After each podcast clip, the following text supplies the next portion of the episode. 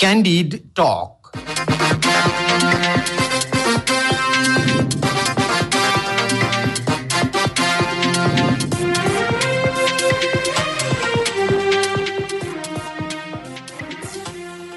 नमस्कार क्यान्डिड टकमा तपाईँलाई स्वागत छ। मेरो नाम हो तेजेन्द्र काफले। रेडियो क्यान्डिडको प्रस्तुति कार्यक्रम क्यान्डिड टक शनिबार बाहेक हरेक दिन बिहान साढे छ बजेबाट सात बजेसम्म आधा घण्टासम्म प्रसारण सुरु भएको छ। राजनैतिक आर्थिक शिक्षा स्वास्थ्य मानवाधिकार ऐन कानून विकास निर्माण व्यापार व्यवसाय जनजीविका सहित दैनिक जीवनमा आइपर्ने सम्पूर्ण विषयमाथिको गहन कुराकानी यो कार्यक्रम तपाईँले सुन्न सक्नुहुन्छ। तपाईँले हामीलाई काठमाडौँ उपत्यका र आसपासका जिल्लामा ninety two point seven mega हर्जमा radio क्यान्डिडको आधिकारिक फेसबुक पेजमा हाम्रो पात्रमा रेडियो क्यान्डिडको एप्स डाउनलोड गरेर र पोडकास्टमा समेत सुन्न सक्नुहुन्छ। श्रोता आजको कार्यक्रममा हामी नेपाली कङ्ग्रेसको चौधौँ महाधिवेशनमा केन्द्रित हुनेछौँ। कुराकानीका लागि यो बेला हाम्रो प्रत्यक्ष टेलिफोन सम्पर्कमा नेपाली कङ्ग्रेसका उपसभापति विमलेन्द्र निधि हुनुहुन्छ। निधिज्यू स्वागत छ क्यान्डी टकमा यहाँलाई। धन्यवाद जय नेपाल सुप्रभात। अन्तत कङ्ग्रेस महाधिवेशन प्रक्रिया होमिएर प्रक्रियामा होमिएरै छाड्यो होइन? कति जिल्लामा वडा अधिवेशन सकियो आजको मितिसम्म? अब छप्पन्न जिल्ला मध्ये मेरो विचारमा अडचालिस जिल्लामा भइसकेको छ र हुँदैछ अब। क्रियाशील सदस्यताको सूची टुङ्गो लागेको छप्पन्न जिल्लामा हो।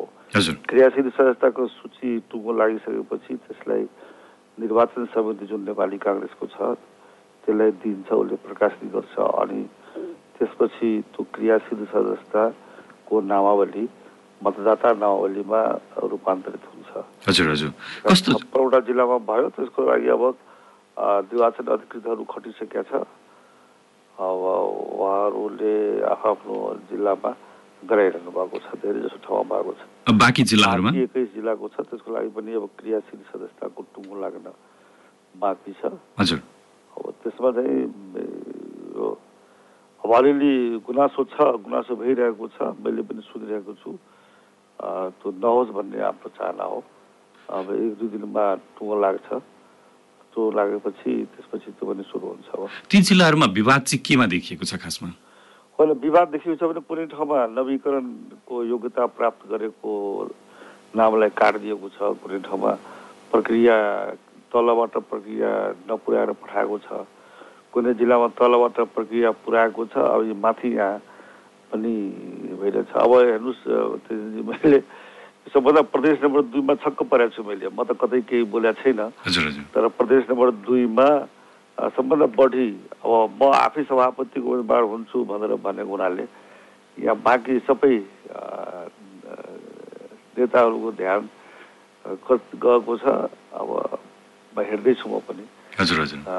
त्यस कारणले कसैले काट्ने थोपर्ने किन दुई नम्बर प्रदेशमा अलिक बेग्लै बेग्लै प्रकारको विवादहरू केही छन्? डडेलधुरामा पनि समायोजन समितिको संयोजक त म थिएँ। अब डडेलधुरामा शेरबहादुरजी ए, सभापति उहाँको आफ्नै जिल्ला हो। अब त्यहाँको कर्णमल सभापति छन्। हजुर। उहाँहरूको के मिला छैन। तर त्यहाँ चाहिँ समायोजन जुन भयो नि यहाँ माओवादीबाट एकजना जनक कलोनीजी आउनु भएको छ अब त्यहाँ पनि समायोजनको सूची बनाएर हामीले सहमतिले हामीले दिइरहेका छौँ क्राइटेरिया आधारमा त्यहाँ पनि अहिलेसम्म भएको छैन। अब यहाँ उनीहरूको आरोप के छ भने केन्द्रबाट जुन नैले नाम काट्ने थप्ने गरिरहेको छ भन्ने आरोप पनि छ। हजुर हजुर। हेरौँ के हुन्छ। भनेपछि शीर्ष नेताहरूकै गृह जिल्लाहरूमा चाहिँ बढी विवाद देखियो होइन? तपाईँको जिल्लामा पनि विवाद छ सभापतिजीको पनि काठमाडौँमा पनि। एकले अर्का माथि शङ्का गर्ने। हजुर। अनि त्यसलाई काटछाट गर्न लगाउने काटछाट गर्न रोक्ने लगाउने थरी थरीको आरोप र गुनासोहरू छन्। अब हेरौँ के हुन्छ तर जे होस् अन्तको त टुङ्गो त लाग्छ नि जस्तो विवाद आएपछि भोलिसम्मको समय सीमा होइन? वडा अधिवेशन सक्ने? तर अब यो एक्काइसवटा जिल्लामा जसको अहिले क्रियाशील संस्था सूची नै तयार भएको छैन। हजुर। क्रियाशील संस्थाको सूची तयार भइसकेपछि केही हेरफेर गरेर निर्वाचन अधिकृतलाई नै सम्बन्धित जिल्लामा कुन मितिमा वडा अधिवेशन गर्ने हो उसैलाई नै अधिकार दिएर जिल्ला सभापतिहरूसँग समन्वय गरेर त्यो फ्लेक्सिबिलिटी चाहिँ दिइएको छ। भनेपछि केन्द्रबाट समाधानको पहलहरू चाहिँ कस्ता भएका छन्? यहाँ त मिति सार्ने कुरा वडा अधिवेशनको जुन बाँकी रहेका जिल्ला छन् त्यसको मिति सार्ने के छ भनेदेखि कृष्ण सिटौला रमेश लेखक र मेनन रिजालको तिन सदस्यीय समितिलाई जिम्मा दिएको छ। सूची जहाँ जहाँ छ त्यसको सूची तयार गर्नको लागि उहाँहरू गरिरहनु भएको छ। हजुर हजुर। अब उहाँहरूलाई पनि कठिनाइ भइरहेकै छ। अब त्यहाँ केही होला आन्तरिक कुराहरू? अब शीर्ष नेता तहबाट नै कतिपय कुराहरू यसो गर उसो गर भन्ने होला कि भन्ने पनि बाहिर चर्चा छ। जस्तो हुनु हुँदैन थियो। तर जे होस् अब त्यो उहाँलाई जिम्मा दिएको छ त्यो टुङ्गो लागिसकेपछि अब त्यसपछि गएर अब सत्ताइस गते जुन थियो पालिकाहरूको एकै दिनमा गर्ने त्यो चाहिँ मलाई लाग्दैन। केही पालिकाहरूमा हुन्छ। भनेपछि जुन जुन कार्यतालिका जुन कार्यतालिका यहाँहरूले तय गर्नुभएको छ त्यो कार्यतालिका चाहिँ वडा अधिवेशन वडाहरूमा देखिएको विवाद जिल्लामा देखिएका विवादहरूले गर्दाखेरि केही पछाडि पछाडि धकेलिँदै जाने सम्भावना पनि रहन्छ। जाने सम्भावना छ हजुर हजुर। त्यो धकेली तर मूल कुरा के छ भनेदेखि नि यो राष्ट्रिय महाधिवेशन जुन मङ्सिरमा छ नि हजुर। हो त्यो चाहिँ त्यही मितिमा हुन्छ। त्योभन्दा पहिले ग्याप धेरै समय छ नि त। हजुर हजुर त्यस कारणले कोसिस हाम्रो के हो भने कि अब दुई चार दिन पानी धकेलियो भने पनि अन्ततोगत्वा राष्ट्रिय महाधिवेशनको कार्यतालिका कुनै पनि बहानामा कुनै पनि किसिमले प्रभावित नहोस् परिवर्तित नहोस् भन्ने हाम्रो चाहना पनि हो। नितिज्यू धेरै ठाउँमा पुग्नुभयो यो बिचमा यहाँले उप सभापतिको उम्मेदवारी घोषणा गरिसकेपछि केही जिल्लाहरूमा आफै पनि उपस्थित हुनुभयो केही जिल्लाहरूको वातावरण पनि बुझ्नुभयो। कस्तो पाउनुभयो उत्साह नेपाली कङ्ग्रेसको चौधौँ महाधिवेशनलाई लिएर? चौधौँ महाधिवेशनलाई धेरै उत्साहपूर्ण रूपमा हेर्ने र भाग लिने वातावरण साथीहरूमा छ। नेपाली कङ्ग्रेसमा क्रियाशील सदस्यमा युवा पुस्ता आकर्षण छैन भनेर भनिन्थ्यो नि त। हजुर हजुर। त पहिलो कुरा त के भनेदेखि युवा पुस्ताहरू नेपाली कङ्ग्रेसमा आउन चाहेका छन् त्यो सबभन्दा ठुलो चौधौँ महाधिवेशनको विशेषता हो। युवाहरू पैँतिस प्रतिशतभन्दा बढी युवाहरू यसमा भाग लिएको छ नम्बर एक दोस्रो कुरा के छ भनेदेखि यो सभापतिको उम्मेदवारीको दृष्टिकोणले हेर्ने हो भनेदेखि मैले जब सभापतिको उम्मेदवार हुन्छु भनेर मैले त धेरै पहिलेदेखि नै डेढ वर्ष दुई वर्ष अगाडि मैले सतहत्तरै जिल्लाका सभापतिहरूलाई फोन गरेर मैले उहाँहरूलाई आग्रह गरेँ त्यसपछि गएर। यो दुई सय चालिसवटा पुरानो जुन संसदीय क्षेत्र हो नि त्यस बेलाको क्षेत्रीय सभापतिहरूलाई त्यस्तै महाधिवेशन प्रतिनिधिहरूलाई पुरानो महाधिवेशन प्रतिनिधिहरूलाई सुख संस्थाका साथीहरूलाई के अरे सबैलाई सम्पर्क गरेँ त्यो बेलादेखि नै नयाँ उत्साह देखियो ए ल तपाईँ उठ्ने हो र एकदम ठिक छ ठिक छ। तपाईँ फेरि सम्झौता गरेर पछि त हट्नुहुन्न भन्ने पो उल्टो चिन्ता थियो। हजुर हजुर त्यो साथीहरूमा एउटा के छ भनेदेखि अरू जसले पनि उम्मेदवार घोषणा गरे तापनि मेरो उम्मेदवारीको घोषणापछि एउटा अ, सकारात्मक तरङ्ग चाहिँ आएको छ र मलाई धेरै खुसी लागेको छ। मलाई धेरै साथीहरूले सहयोग गर्नु अहिले पनि यो वडा अधिवेशनहरू जुन भयो नि मैले सुरुमा भनेको थिएँ सक सकभर सब सहमतिबाट सर्वसम्मतिबाट गरौँ भनेर पनि मेरो इन्टरभ्यूहरू मेरो धारणाहरू यदि तपाईँहरूले हेर्नुहुन्छ भने सहमतिबाट नै अहिले सबै तौर अधिकतम सहमति कोसिस गरौँ। अहिले वडा अधिवेशन जुन भएको छ एकचालिस त्रिचालिस अडचालिसवटा जिल्लाहरूमा मैले जिल्ला सभापतिहरूलाई फोन गरेर सम्पर्क नियमित रूपमा गर्दैछु गर्दै आइरहेको छु।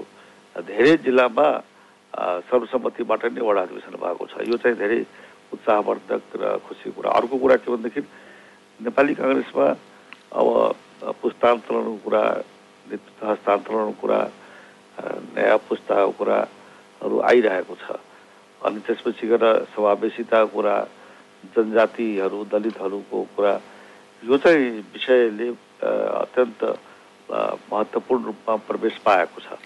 र त्यसमा मैले गरेको योगदानको बारेमा पनि साथीहरूले मलाई हौसला दिएका छन्। त्यस कारण त्यो रूपमा हेर्दा पनि मलाई चाहिँ धेरै ठुलो हौसला दिइरहनु भएको छ उहाँहरू। म एकदम समर्थन दिइरहनु भएको छ। उम्मेदवारीको विषयमा पनि चर्चा गर्नेछु। तर त्यो विषयमा केन्द्रित हुनुभन्दा अगाडि एउटा प्रश्न मैले यहाँलाई राख्नै पर्छ जस्तो अधिवेशन नै रोक्न माग गर्दै अदालतमा मुद्दा पनि परेको छ। बागमती प्रदेश सभा सदस्य नरोत्तम वैद्यले चाहिँ सर्वोच्च अदालतमा मुद्दा आश्चर्य भयो भनेर होइन। हजुर। अ, अब तर महाधिवेशनमा कुनै पनि हातमा रोकिँदैन। कोरोनाको कारणले सुरुमा त थियो नि अलिकति कोरोनाको कारणले गर्दाखेरि सम्भव होला कि नहोला बाढी पहिरोको कारणले होला कि नहोला। तर पाहाडमा मैले अब भनौँ न प्रदेश नम्बर एककै पूर्वी पाहाडमा सबै जिल्ला सभापतिहरूसँग मैले सम्पर्क गरेँ। अब अहिले मोरङ बाहेक लगभग लगभग सबैमा सम्पर्क। आखिर पूर्वी पाहाडमा पनि त बाढी पहिरोको कुरा भनौँ कोरोनाको कुरा गरौँ भने होइन? कोरोनाको कारणले यदि तपाईँको महाधिवेशन सम्भव नहुने हो भने त सबभन्दा बढी त वडा तहमा गाह्रो पर्छ नि त। तर अब चाहिँ छैन। त्यस कारण अब कुनै पनि कारण मैले मलाई डिटेल त थाहा छैन तर नरोत्तम वैद्यजीले दिनुभएको अदालतमा जुन छ त्यसमा मैले सुनेको थिएँ कोरोनाको कारणले सम्भव छैन। अब कोरोनाको कारणले सम्भव छैन भन्ने कुरा अब निरर्थक साबित भइसक्यो। के यो एउटा चर्चा थियो नि यहाँहरूको अधिवेशन? पनि तरिकाले हजुर। महाधिवेशन रोकिँदैन वडा अधिवेशन सुरु हुनुभन्दा अगाडि कङ्ग्रेस केन्द्रीय कमिटीमा होस् अथवा पदाधिकारी बैठकहरूमा होस् अथवा बाल हाम्रो बालवाटारको बैठक होस् अथवा बुढाल कण्ठको बैठक होस् यी सबै बैठकहरूमा चाहिँ एउटा चर्चा थियो जस्तो अधिवेशन सुरु गरेर लिएर जाने। किनभने यहाँको विधानहरूले अथवा संविधानले निर्वाचन आयोगको ती नियम नियमावलीहरूले जम्मैले गर्दा कहिले सम्पन्न गर्ने भन्ने चाहिँ उल्लेख नभएको कारणले गर्दा सुरु गरेर लिएर जाने पछि कोरोनाको कारण जतिसम्म पुग्छ त्यतिसम्ममा अधिवेशन महाधिवेशन सक्ने अथवा निर्वाचन यो सर्वोच्च अदालतमा यो अधिवेशन रोक्नको लागि मुद्दा दायर गर्ने मुद्दामाथि छलफल हुँदै जान्छ। यता अधिवेशन लम्ब्याउने भन्ने विषयहरूमा पनि चर्चाहरू आएका थिए। कि त्यही प्रावधान त्यही योजना अनुसार अगाडि बढेको कि काङ्ग्रेस? मान्छे थरी थरीको कुरा गर्छन् मलाई त्यसमा कुनै रुचि छैन। हजुर। म तपाईँलाई सिधा कुरा के भन्न चाहन्छु र के भन्न सक्छु भने महाधिवेशन अब कुनै पनि हालमा रोक्ने अदालतले पनि रोक्ने अधिकार छैन अदालतसँग आधार छैन किनभनेदेखि त अब तपाईँको कोरोनाको कारणले मात्र रोक्नको लागि निवेदन दिएको छ भने कोरोना त अब बाधक नै छैन नि त त्यस कारणले महाधिवेशन अब रोकिँदैन अदालतले पनि रोक्न मिल्दैन रोक्ने आधार छैन। स्कुल कलेज खुल्दैछ अहिले भर्खर। तपाईँहरूको समाचारमा सुने। असोज एक गतेदेखि स्कुल खोल्ने विद्यालयहरू खोल्ने। काठमाडौँ जिल्ला प्रशासनले सोच्दैछ तय गर्दैछ भनेपछि त अब महाधिवेशन किन रोकिन्छ त्यो सब के छ भने महाधिवेशन नहोस् महाधिवेशन गर्नु हुँदैन पनि केही चाहना राख्नेहरूको मात्रै कुरा हो त त्यो के सीमित व्यक्तिहरू छन् जस्तो हुँदैन अब जोस् यहाँहरूले विश्वास दिलाउन सक्नुहुन्छ अब कि तोकिएको मितिमा केन्द्रीय महाधिवेशन चाहिँ भइरहेछ किनभने एक सौ पैँसठी संसदीय निर्वाचन क्षेत्रको जुन छ नि हजुर। त्यसको त्यसबाट महाधिवेशन प्रतिनिधिहरूको चयन हुन्छ। क्षेत्रीय सभापतिको पनि त्यही एक सय पैँसठी संसदीय निर्वाचन क्षेत्रको तहबाट तय हुन्छ। त्यो सम्भव त्यसको त अहिले पाँच गतेकै लागि छ नि। कतिपय जिल्लाहरूमा त पाँच गतेमै हुन्छ। कुनै जिल्लामा अहिले बढ्ला। त्यो भइसकेपछि त महाधिवेशनको लागि त सबै सङ्गठनात्मक पूर्वाधार त तपाईँको तयार हो त। सम्भव भइहाल्छ। रोक्न कुनै आधारै छैन। अब अलिकति तपाईँको हुँदैन। गर्नुपर्छ भन्ने।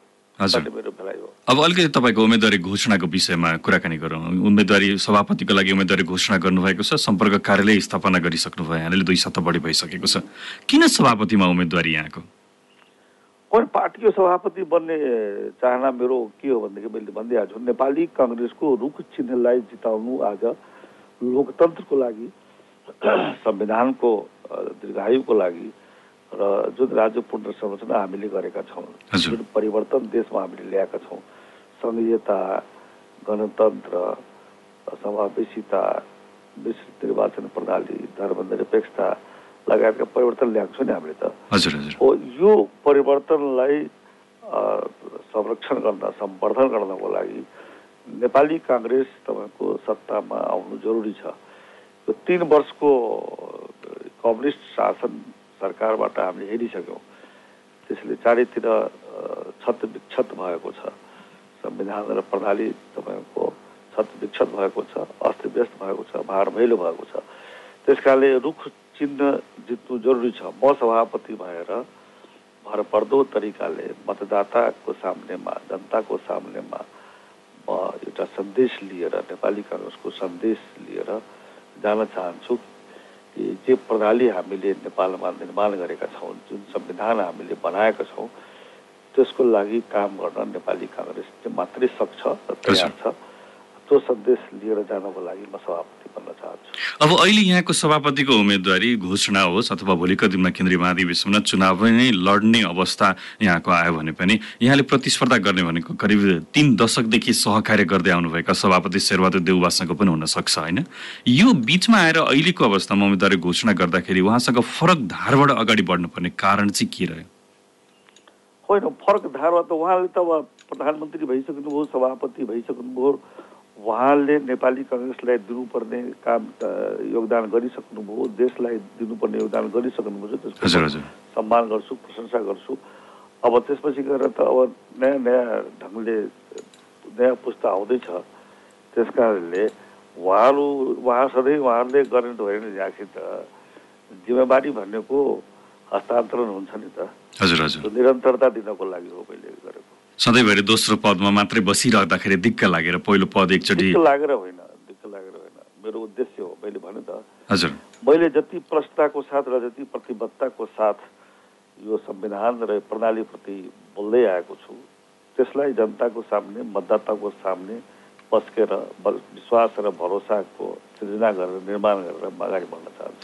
हुन त कुनै अप्ठ्यारो यहाँलाई नहोला तर भोलिका दिनमा उहाँसँगै सभापतिमा प्रतिस्पर्धा गर्दै गर्दाखेरि प्रतिस्पर्धा हुन सक्छ मैले उहाँलाई भनेको छु तपाईँ सरकार राम्ररी सञ्चालन गर्नुहोस् सरकारतिर ध्यान दिनुहोस्।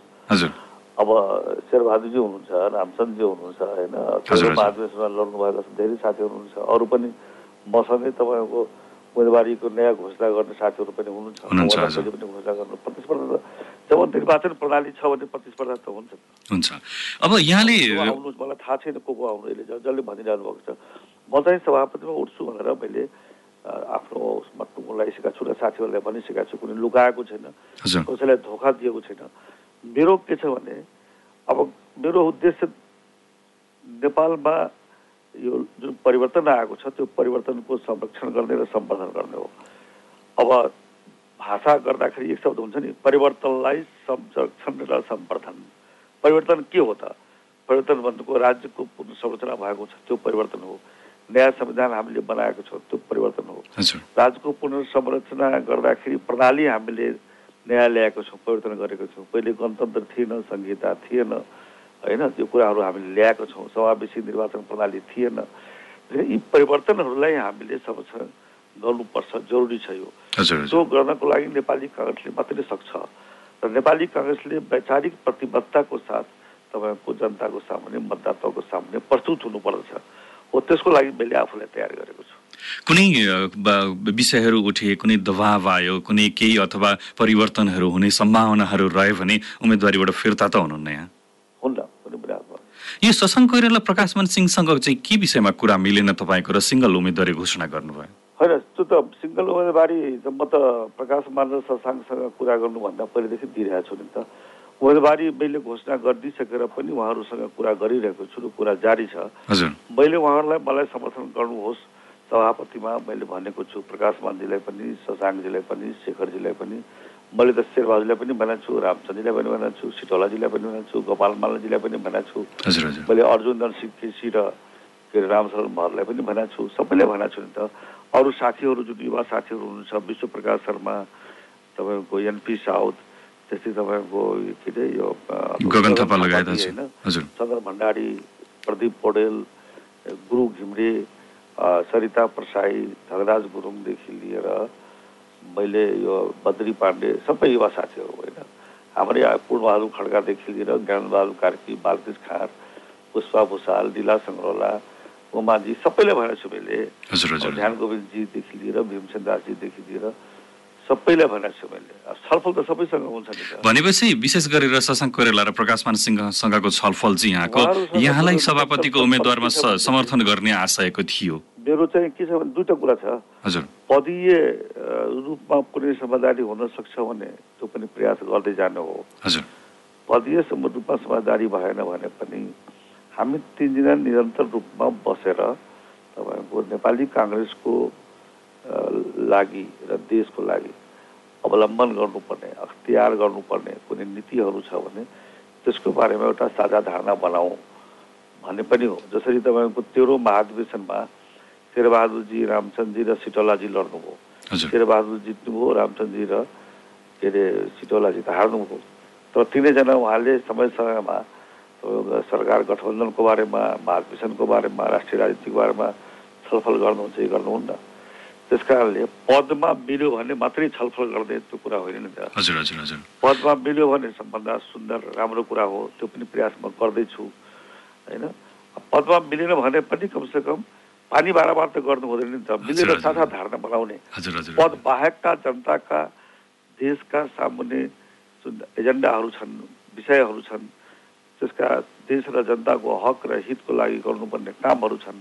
नेपाली काङ्ग्रेसले प्रस्तुत हुनुपर्ने पद्धति छ। नेपाली काङ्ग्रेसले निर्णय गर्नुपर्ने विषयहरू होला। त्यो विषयहरूमा त साझा धारणा हामीले बनाउँदै जानुपर्छ नि त। हामी। तिनजनाले साझा धारणा सँगसँगै मिलेर बनायो भने त्यसको धेरै ठुलो सकारात्मक प्रभाव अ, तपाईँको पार्टीभित्र पनि पर्छ देशभित्र पनि पर्छ। हामी तिनजना बस्दा अहिले पनि हामी भनिरहेका छन् साथीहरू। तपाईँ तिनजना मिल्नु पऱ्यो मिल्नु पऱ्यो मिल्नु पऱ्यो भन्छन्। भनेपछि हाम्रो तिनजना एक हुनु पऱ्यो भन्ने चाहना त हाम्रो नेपालभरिका शुभचिन्तकहरूमा पनि रहेछ। नागरिक समाजमा पनि छ व्यवसायीहरूमा पनि छ कर्मचारीहरूमा पनि छ तपाईँको पत्रकारहरूमा बुद्धिजीवीहरूमा पनि छ सबैमा छ नि त। विदेशमा बस्ने हाम्रो नेपाली दाजुभाइहरूको जनसम्पर्क समिति छ उहाँहरू पनि छ। एनआरएनको डस डायस्पोरामा एनआरएनको अहिले चुनाव भइरहेको छ उहाँहरूसँग साथीहरू छलफल गर्नुहुन्छ। उहाँले पनि तपाईँहरू तिनजना अत्यन्तै राम्रो छ कुरा मिल्यो कि मिलेन मिल्नु छ है दाई भनेर भन्छन्। हो भन्छन् भनेपछि त यो त राम्रो प्रयास हो नि राम्रो सन्देश दिएपछि यस्तो भाइब्रेसन त राम्रो भएको छ नि त। अहिले तपाईँ ninety two point seven mega हर्जमा radio candidate सुनिरहनु भएको छ। आजको कार्यक्रम क्यान्डी टकमा हामी नेपाली कङ्ग्रेसका उपसभापति विमलेन्द्र निधिसँग कुराकानी गरिरहेका छौँ। निधिज्यूले केही समय अगाडि सभापतिको लागि उम्मेदवारी घोषणा गरेर प्रचार प्रसारमा हुनुहुन्छ। उहाँ देश दौडामा पनि हुनुहुन्छ। निधिज्यू अब पछिल्लो समय वरिष्ठ नेता रामचन्द्र पौडेलको निवास बोहरा टारतिरको गतिविधि निहाल्ने हो भने पनि एउटा साझा उम्मेद्वार बनाएर सभापतिमा प्रतिस्पर्धा गर्ने भन्ने निष्कर्षमा लगभग उहाँहरू पुग्नु भएको छ। यो उहाँहरूको बेग्लै सभापतिको बेग्लै र तपाईँको बेग्लै उम्मेद्वारी आयो। बिचमा कल्याण गुरुङले पनि अर्को उम्मेद्वारी घोषणा गर्नुभएको छ सभापतिमा। यो चारतर्फबाट प्रतिस्पर्धा गर्दाखेरि तपाईँले नै जितेर जाने सम्भावना चाहिँ कतिको छ? होइन साझा उम्मेदवारीको कुरा त सबभन्दा पहिले मैले सुरुवात गरेको हो। मैले के भन्नु भने कि शेरबहादुरजी रामचन्द्रजी सिटोलाजी तिनजना हुनु उहाँहरू पुरानो तेह्रो महाधिवेशनका प्रतिस्पर्धीहरू। हजुर। यसमा त्यो को लड्नुहुन्छ को लड्नुहुन्न भन्ने कुरा त्यति बेलासम्म उहाँहरू प्रष्ट रूपमा आइसक्नु भएको थिएन अहिले पनि आउनु भएको छैन। तैपनि तेह्रो महाधिवेशनलाई आधार मानेर गर्ने हो भने तिनजना सभापतिको उम्मेदवार पहिलेदेखि हुनुहुन्छ होइन? हजुर हजुर। बाँकी हामी चारजना भयौँ।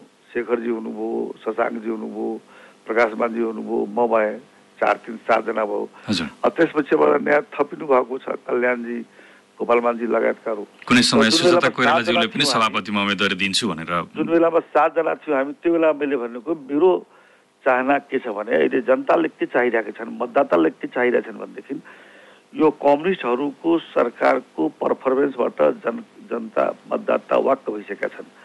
काङ्ग्रेस यदि गुट उपगुटभन्दा माथि उठेर युनाइटेड भएर आइदिएको भए हुन्थ्यो भन्ने चाहना छ। हजुर त्यो चाहनालाई पुरा गर्नको लागि एउटा बाटो एउटा उपाय के हो भनेदेखि जतिजना हामी उम्मेदवार छौँ सातजना उम्मेदवार छौँ भन्ने सम्भावित त्यो सातजनामा कुनै एकजना भयो भनेदेखि त्यसको लागि म बाधक बन्दिनँ।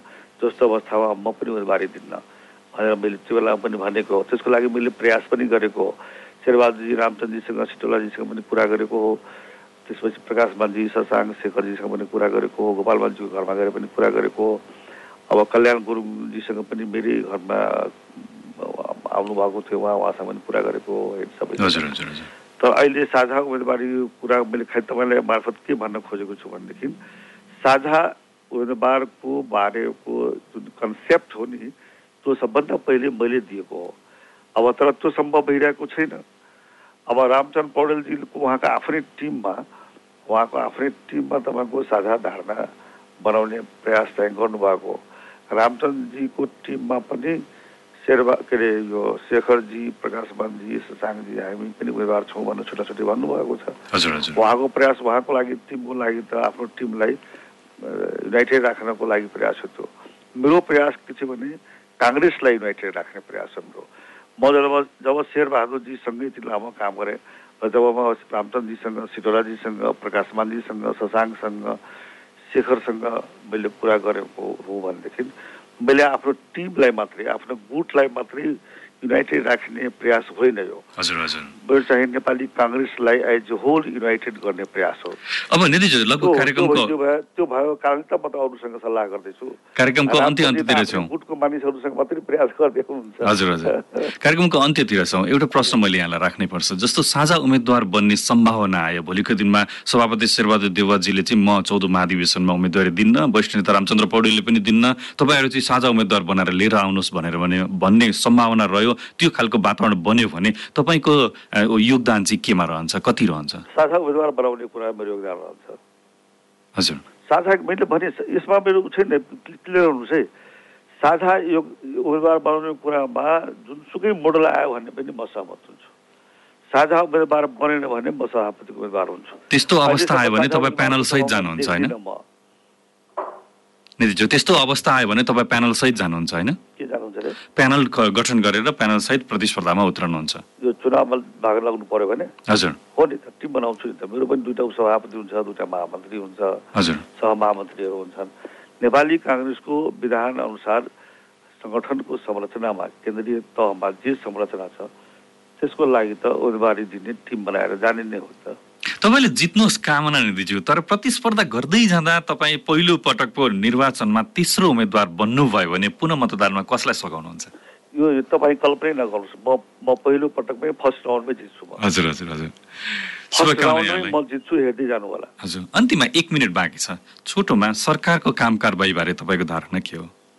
अहिले सरकारको काम कारबाहीमाले अहिले मैले टिका टिप्पणी गरिरहनु परेन। सरकार गठन गर्दा मन्त्रीमण्डल गठन गर्दा नै ढिलाइ भइरहेको छ। त्यसको कारण मलाई थाहा छ। माधव नेपालजीको पार्टी माधव नेपालजी त केपी ओलीबाट अलग हुनुभयो एमालेबाट अनि मात्रै यो सरकार गठन सम्भव भएको छ। माधव नेपालजीले यदि साथ नजिएको भए त शेरबहादुरजी प्रधानमन्त्री बन्ने सम्भावना थिएन। त्यस कारणले यो त नैतिक रूपमा नै माधव नेपालजीको लागि पर्खने राजनीतिक रूपमा र नैतिक रूपमा हाम्रो कर्तव्य हो। उहाँ आज बाइस गते हो बाइस गतेसम्म अहिले पर्खनुहोस् भनेर भन्नु भएको छ। निर्वाचन आयोगको निर्णयको कारणले गर्दा दलको मान्यता सम्बन्धी जुन छ नि कुराहरू त्यसको लागि त्यसको लागि यो जटिल कुरा हो। त्यस कारण मलाई चाहिँ यो सरकार मन्त्रीमण्डल ढिलो भएकोमा मलाई कुनै टिका टिप्पणी गर्नु छैन किन मैले यो। स्वाभाविक हो भनेर मैले हेरिरहेको छु। ढिलो भएको हुनाले टिका टिप्पणी गर्ने एउटा कुरा हो। अब कतिपय कुराहरू सरकारको काम कारबाही मन्त्रीमण्डल पूर्णता प्राप्त गरिसकेपछि मात्रै त्यसको मूल्याङ्कन गर्नु उपयुक्त होला भन्ने मलाई लाग्दछ। हस् धन्यवाद। समय दिनुभयो क्यान्डी टकको लागि यहाँले। अ, झाडी झाडी धन्यवाद तपाईँलाई धन्यवाद हुन्थ्यो नेपाली कङ्ग्रेसका उपसभापति विमलेन्द्र निधि। उहाँले सभापतिको लागि उम्मेदवारी घोषणा गर्नुभएको छ र अहिले जुन रूपमा नेपाली कङ्ग्रेसको वडा अधिवेशन चलिरहेको छ देशैभर यो विषयमा केन्द्रित रहेर कुराकानी गरौँ हस् त। क्यान्डी टकको यो अङ्क आजलाई यति नै। आजको कार्यक्रममा हामीले नेपाली कङ्ग्रेसका कङ्ग्रेसको महाधिवेशन केन्द्रित कार्यक्रम सञ्चालन गऱ्यौँ। भोलि फेरि साढे छ बजे फरक विषयमा कुराकानी गर्नेछौँ। प्रविधि संयोजनको लागि कुमारजीलाई धन्यवाद। कार्यक्रमबाट म तेजेन्द्र काफले भने बिदा हुन्छु। रेडियो क्यान्डिड सुन्दै गर्नुहोला। नमस्कार।